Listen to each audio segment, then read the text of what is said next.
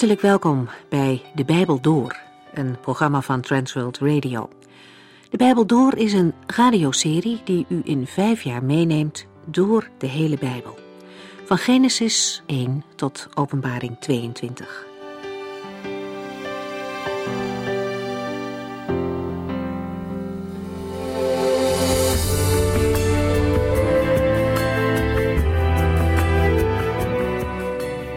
Welkom in het volgende Bijbelboek, het boek Rut. In dit boek zoomen we als het ware in op een Joodse familie. Ze leven in een moeilijke tijd van hongersnood. De Heere had een land vol overvloed aan zijn volk beloofd als ze hem trouw zouden zijn. Maar in de afgelopen weken hebben we het boek Richteren bekeken en gezien dat het volk in de praktijk erg ver van de Heere vandaan leefde met als gevolg dat de Heere hen in moeilijke omstandigheden bracht, met het doel om zijn volk weer op de goede weg terug te brengen. Hij wilde hen immers niet kwijt. En dat is in deze tijd niet veranderd. De Heere laat nooit los wat zijn hand begonnen is. Hij wil mensen die de weg kwijtgeraakt zijn, weer terug op de goede weg helpen. Hij zoekt mensen die verloren zijn en zonder Christus leven, om hun echt leven te geven. Door de Bijbel helemaal te lezen en te bestuderen, wordt het duidelijk hoezeer Gods hart naar elk mens uitgaat. En van harte hopen we dan ook dat u door deze serie ook onder de indruk komt van de liefde en trouw van de Heer, want die heeft Hij ook voor u. De Bijbel Door wordt geproduceerd door Transworld Radio. In Nederland houdt het team van TWR zich verder bezig met de ondersteuning van radioprogramma's in andere landen. Op veel plaatsen in deze wereld is het onmogelijk om als zendeling vrij een land binnen te komen. Maar via de radio kan het woord van de levende God toch binnenkomen en gehoord worden in vele huizen en harten. We zien het dan ook als een groot voorrecht dat we nu ook in ons eigen land dit programma mogen uitzenden. En graag horen we het van u als u vragen heeft of wilt reageren. Transworldradio.nl En dan maken we nu een begin met het boek Rut.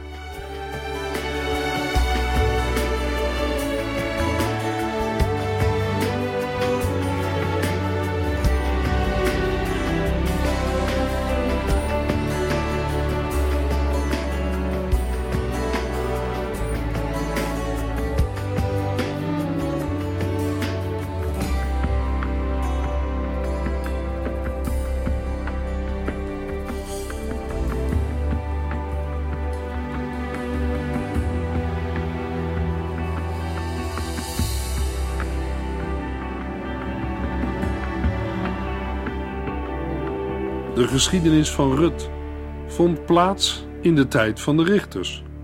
Op een verfrissende wijze vormt Rut een tegenstelling tot de vele negatieve zaken die in het boek Rechters naar voren kwamen. Het Bijbelboek laat de lezers kennismaken met een ander aspect van de woelige periode van de richters en geeft inzicht in het leven van een gezin in Israël verweven in de praktijk van het dagelijks leven, komt hierbij ook de dienst aan de Here naar voren. De betekenis van de naam Rut is onzeker. Gedacht wordt aan gezellin of vriendin. Alles wat van Rut bekend is, komt uit het Bijbelboek Rut. In andere Bijbelboeken wordt zij niet genoemd, uitgezonderd de vermelding van haar naam in de stamboom van de Heer Jezus in Matthäus 1. Zij was de overgrootmoeder van koning David. Als Moabitische trouwde zij met Machlon, de zoon van een man uit Israël die wegens een hongersnood met zijn gezin naar Moab was getrokken. De man heette Elimelech en stierf in Moab, net als zijn beide zonen, Machlon en Kiljon. Zijn weduwe, Naomi of Noomi, bleef achter met de beide schoondochters. Orpa en Rut. Door het overlijden van Machlon en Kiljon waren ook zij weduwen. Wanneer Naomi besluit terug te keren naar Israël, naar Bethlehem, maakt Rut de keuze om met haar mee te gaan. Aan haar keuze ligt de belijdenis uit Rut 1, vers 16 ten grondslag. Uw volk zal mijn volk zijn, en uw God mijn God. Daarmee keert zij de afgoden van Moab de rug toe, om de Heere, de God van Israël, te dienen. Boas zegt daarover in Rut 2, onder wiens vleugels je je toevlucht hebt gezocht. Vers 12. Toewijding, volharding en trouw staan centraal in het optreden van Rut.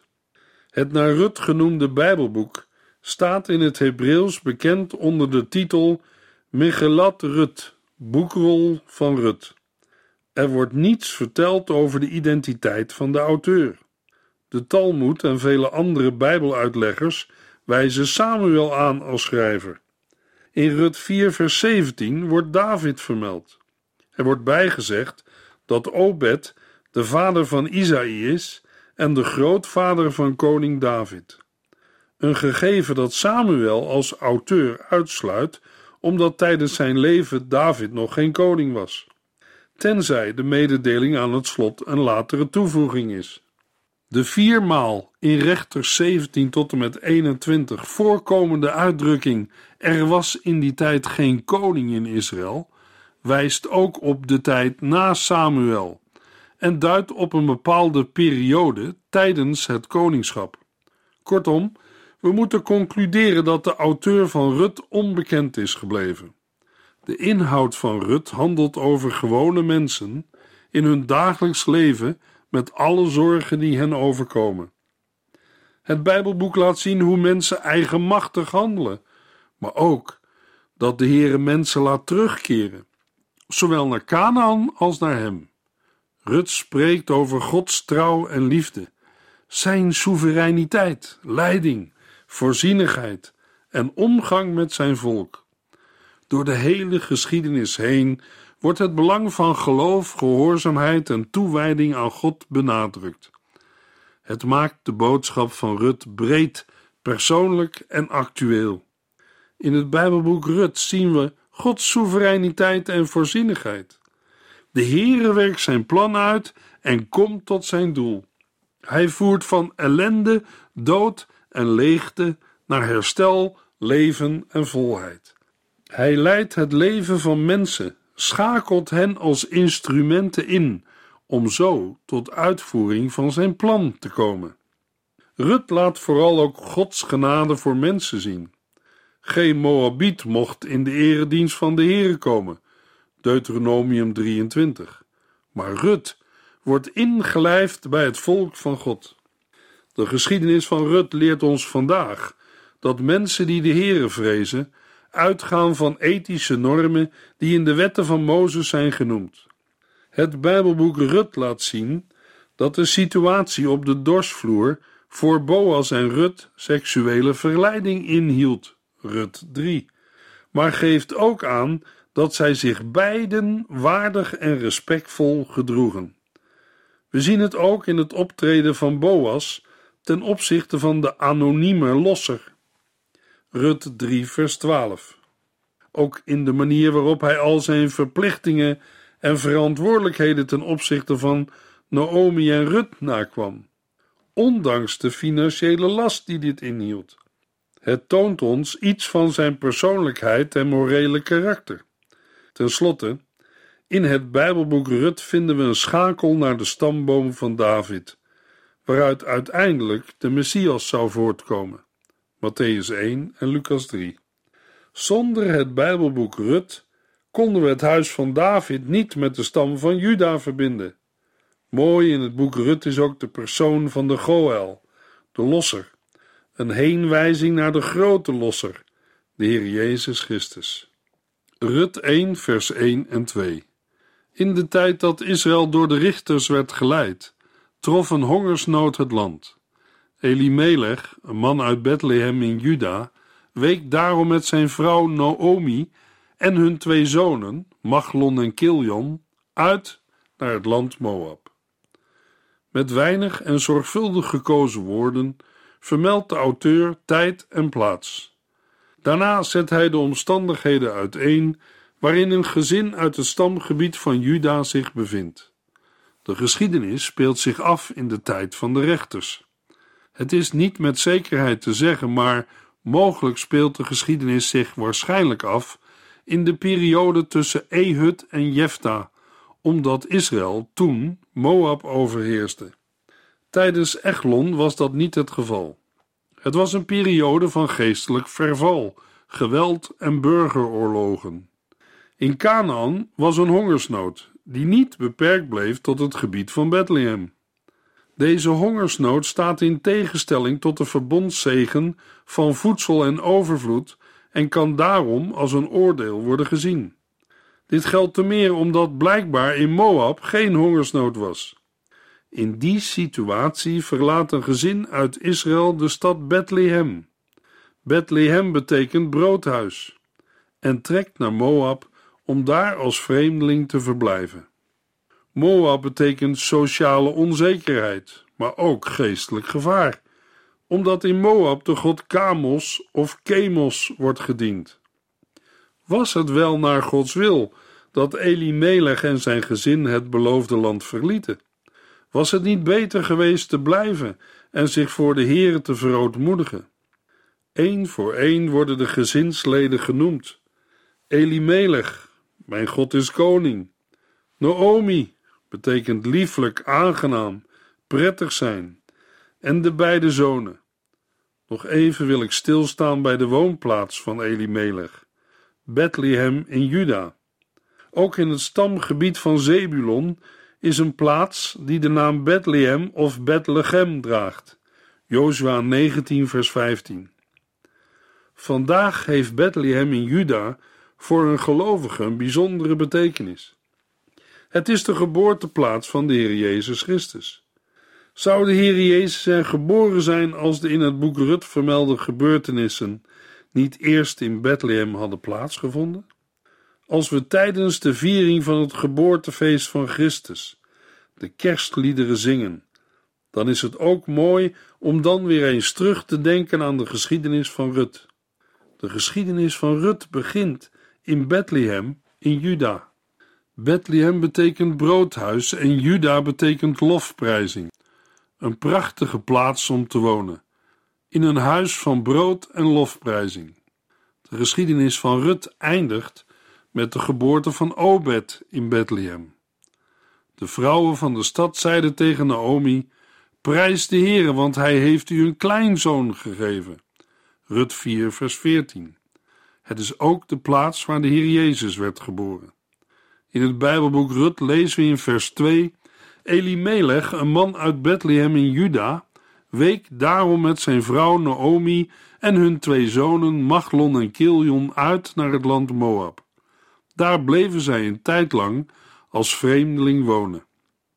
Ze weken uit naar het land Moab. Daar bleven zij een tijd lang. Ze maakten niet alleen een reisje naar Moab, maar ze gingen er wonen, wel als vreemdeling. Dat is niet eenvoudig geweest en zeker niet als je er ook nog allerlei ellende moet meemaken. Als degenen die je lief en dierbaar zijn wegvallen. Rut 1, vers 3. Na enige tijd stierf Elimelech en Naomi bleef achter met haar twee zonen. Het is zinloos geweest Canaan te ontvluchten, want Elimelech sterft. In het Oude Testament wordt een lang leven voorgesteld als een zegen van God. Psalm 128, vers 6. Bovendien verbindt de wet van de Heer dit met het door hem gegeven land. Exodus 20, vers 12 en Deuteronomium. Elimelech zal het allemaal hebben geweten. Toch gaat hij weg en verlaat het land dat de Heer ook hem had gegeven. Naomi wordt weduwe in een vreemd land met twee opgroeiende kinderen. Zo'n situatie is in je eigen land al moeilijk en een hele opgave. Laat staan in een vreemd land waar ook nog andere goden worden gediend. Rut 1, vers 4. Zij trouwden allebei met een Moabitische. De ene heette Orpa, de andere Rut.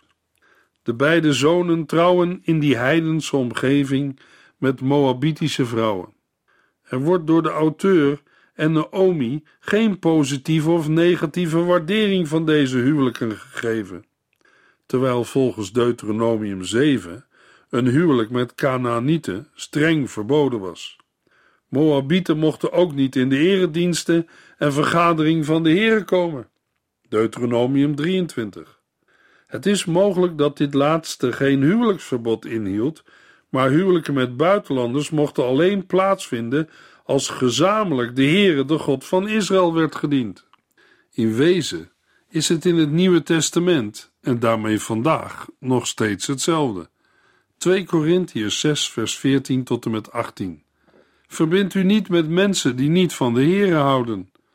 Wat hebben recht en slecht met elkaar te maken? Of licht en donker? Wat voor overeenkomst is er tussen Christus en de duivel?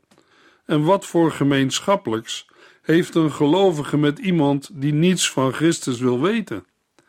Wat voor eenheid kan er bestaan tussen Gods tempel en die van de valse goden? Ja, wij zijn de tempel van de levende God, die heeft gezegd: Ik zal bij hen wonen en bij hen zijn. Ik zal hun God zijn en zij zullen mijn volk zijn. Ga daarom uit hun midden weg. Keer u van hen af en raak het onreine niet aan. Dan zal ik u aannemen. Ik zal uw vader zijn en u zult mijn zonen en dochters zijn, zegt de Heere, die alle macht heeft. Rut 1, vers 5. Toen ze daar ongeveer tien jaar gewoond hadden, stierven beide mannen en Naomi bleef helemaal alleen achter. Het huwelijk van Machlon en Kiljon met Rut en Orpa kan Naomi hoop hebben gegeven op een nieuw leven, maar beide huwelijken blijven kinderloos. Het is niet duidelijk of Machlon en Kiljon in totaal tien jaar in Moab woonden, of dat bedoeld wordt dat zij voor hun dood tien jaar gehuwd waren. Waarschijnlijk heeft de hongersnood in Canaan geen tien jaar geduurd. Dat roept de vraag op waarom zij zo lang in Moab zijn gebleven. De verwijzing naar tien jaar doet vermoeden dat zij zich zijn gaan thuisvoelen in Moab en daar zo ingeburgerd raken dat zij niet meer denken aan terugkeer naar Juda. Dan overvalt Naomi en de beide schoondochters een volgende ramp. Beide zoons overlijden. Naomi blijft alleen achter. Naomi is haar hele gezin kwijt en alles wat ze nog heeft zijn twee jonge schoondochters, buitenlandse meisjes. Waarom zou ze nog langer in Moab blijven? Rut 1, vers 6. Omdat zij daar in Moab had gehoord dat de Heere zijn volk had gezegend met een goede oogst, waardoor er weer voldoende te eten was, besloot zij met haar schoondochters terug te gaan naar Israël. In vers 6 klinkt een beginsignaal van een mogelijke verandering. Voor de eerste keer wordt de Heere genoemd. Hij bezoekt, dat wil zeggen, ziet in genade om naar zijn volk met een goede oogst, wat betekent met brood. Dat goede bericht heeft ook Naomi in Moab bereikt. Ze besluit met haar schoondochters terug te gaan naar Israël, naar Bethlehem in Juda. Naomi verlangt naar huis, daar waar ze vandaan is gekomen. Het heeft iets weg van de geschiedenis van de verloren zoon in het Nieuwe Testament. Nu is het geen verloren zoon, maar een verloren gezin. Ook de verloren zoon was niet echt gelukkig in het verre land waar hij dacht het leven te vinden. Op het dieptepunt van zijn leven, midden tussen de varkens, waar hij als Joodse man helemaal niet hoort, komt hij tot bezinning. Hij wil weer terug naar huis. Een verloren zoon of dochter die tot bezinning komt, zal altijd weer naar huis willen. Luisteraar, dat is ook vandaag nog steeds waar, zeker in geestelijk opzicht. Er is wel een gevaar. Petrus brengt het onder woorden in 2 Petrus 2, vers 20 tot en met 22. Als iemand door de Here en redder Jezus Christus te aanvaarden aan de verkeerde levenswijze van de wereld is ontsnapt, maar er zich later weer door laat inpalmen en overmeesteren, is hij er slechter aan toe dan ooit tevoren. Het zou beter zijn geweest als hij nooit had geweten hoe hij rechtvaardig leven moest. Maar nu hij het heilige gebod kent en er niets meer van wil weten, geldt voor hem dit oude spreekwoord: een gewassen varken wentelt zich toch weer in de modder. En wat is nu het gevaar? Als een mens niet werkelijk is veranderd en het aan de buitenkant alleen zo lijkt, dan ben je als een varken dat zijn ware aard niet kan verloochenen en uiteindelijk toch weer in de modder terechtkomt. Want dat vindt de varken fijn. De verloren zoon besluit niet alleen terug te gaan naar huis. In de armen van zijn vader zegt hij: Ik heb gezondigd tegen de hemel en tegen u. Met de modder en de lucht van de varkens nog aan zijn kleren laat hij zien en horen dat hij is veranderd. Naomi wil terug naar Bethlehem in Juda, omdat ze had gehoord dat de Heer zijn volk had gezegend met een goede oogst, waardoor er weer voldoende te eten was. Gaat ze nu terug voor het eten of voor de Heer? Ik denk dat het gaat om Gods plan met haar leven en met dat van Rut. Rut 1, vers 7. De drie vrouwen verlieten hun woonplaats en gingen op reis naar Juda. Vers 7 geeft aan dat beide schoondochters met Naomi op weg gaan naar Juda. Het getuigt van liefde voor hun schoonmoeder. Onderweg dringt Naomi er bij hen op aan terug te keren naar het ouderlijke huis. Rut 1, vers 8. Onderweg zei Naomi tegen haar schoondochters: Gaan jullie nu maar terug naar je eigen moeder. De Heere zal jullie belonen voor de liefde die jullie mijn zonen en mij hebben gegeven. Het valt op dat Naomi zegt: Gaan jullie nu maar terug naar je eigen moeder, in plaats van naar het huis van je vader. Mogelijk bedoelt Naomi hiermee de vrouwen vertrekken waar de moeder was, een plaats die geschikt werd geacht voor jonge weduwen. In Israël wacht hen, naar het besef van Naomi, alleen onzekerheid en moeite. Als weduwen in een vreemd land zouden Rut en Orpa extra kwetsbaar zijn en daarbij ze waren van Moabitische afkomst. In Israël hoorden Moabieten er niet bij. Ze waren geboren uit bloedschande.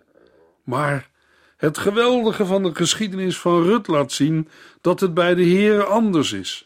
Rut, de Moabitische, krijgt zelfs een plaats in de stamboom van de Heer Jezus Christus. Onderweg zei Naomi tegen haar schoondochters: Gaan jullie nu maar terug naar je eigen moeder. Daarmee offert Naomi ook zichzelf op, want het houdt voor haar in dat zij alleen verder moet gaan. Naomi hoopt dat haar schoondochters een nieuw leven zullen vinden in hun eigen land Moab.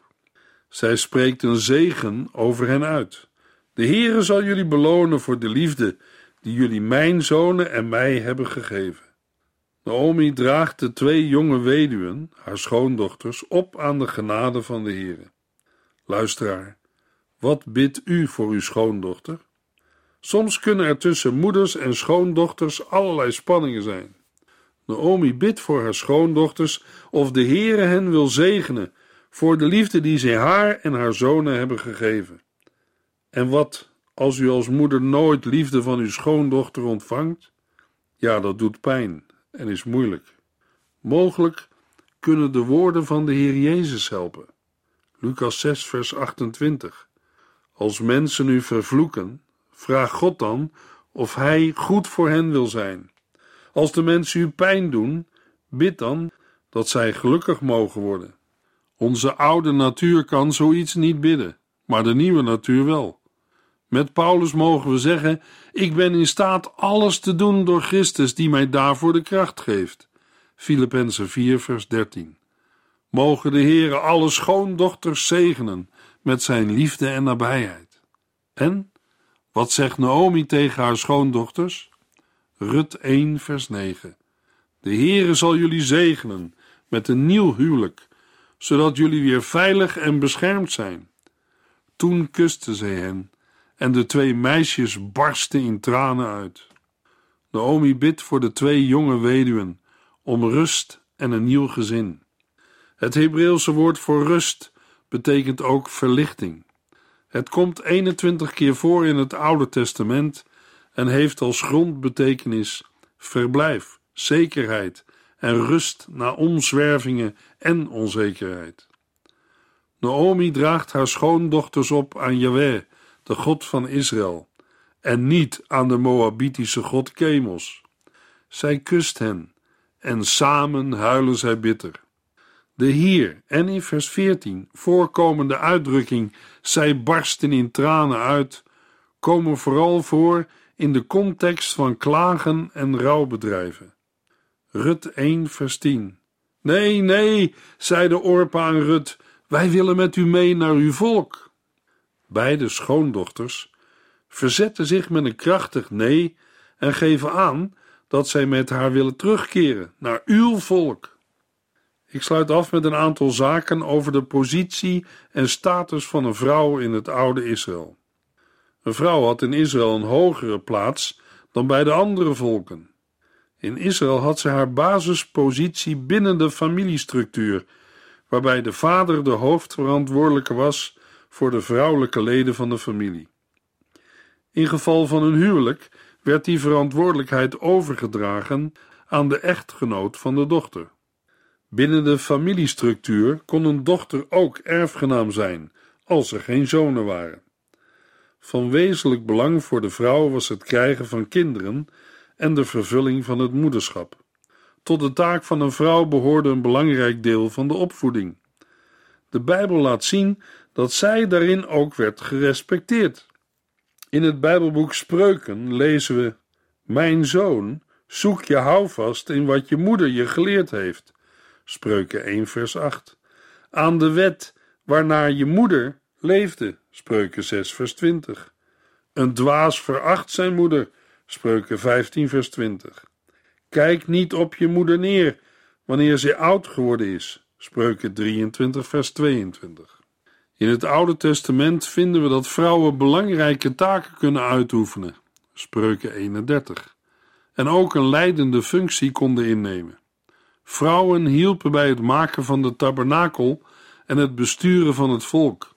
Als lid van de verbondsgemeenschap konden vrouwen optreden als profetes of als zangeres in de eredienst. 2 Kronieken 35 vers 25 en Nehemia 7 vers 67. We lezen in de Bijbel over vrouwen die een diep geestelijk leven hebben en vooral in hun verdriet en nood dicht bij de Heere leefden en op Hem vertrouwden. Dit laatste geldt ook voor Rut. In de volgende uitzending lezen we verder over Rut en Naomi.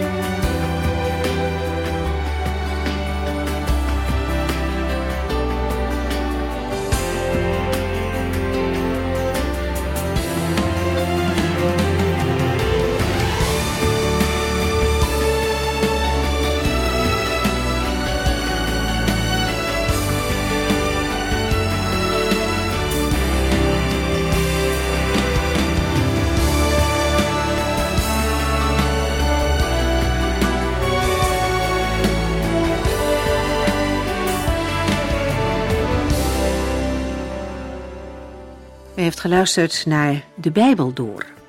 In het Nederlands vertaald en bewerkt door Transworld Radio. Een programma waarin we in vijf jaar tijd de hele Bijbel doorgaan. Als u wilt reageren op deze uitzending of u heeft vragen, dan kunt u contact met ons opnemen. Tijdens kantooruren kunt u bellen op 0342 47 8432. 0342 47 8432. 32. Ook kunt u een e-mail sturen naar de Bijbel door transworldradio.nl en natuurlijk kunt u ook via de post ons bereiken. TWR, postbus 371, postcode 3770, AJ in Barneveld. Dit programma werd gepresenteerd door Cor Weda en Ike André. Techniek was in handen van Odin van Woerdekom. En wij allemaal bedanken u voor het luisteren. Graag tot de volgende keer.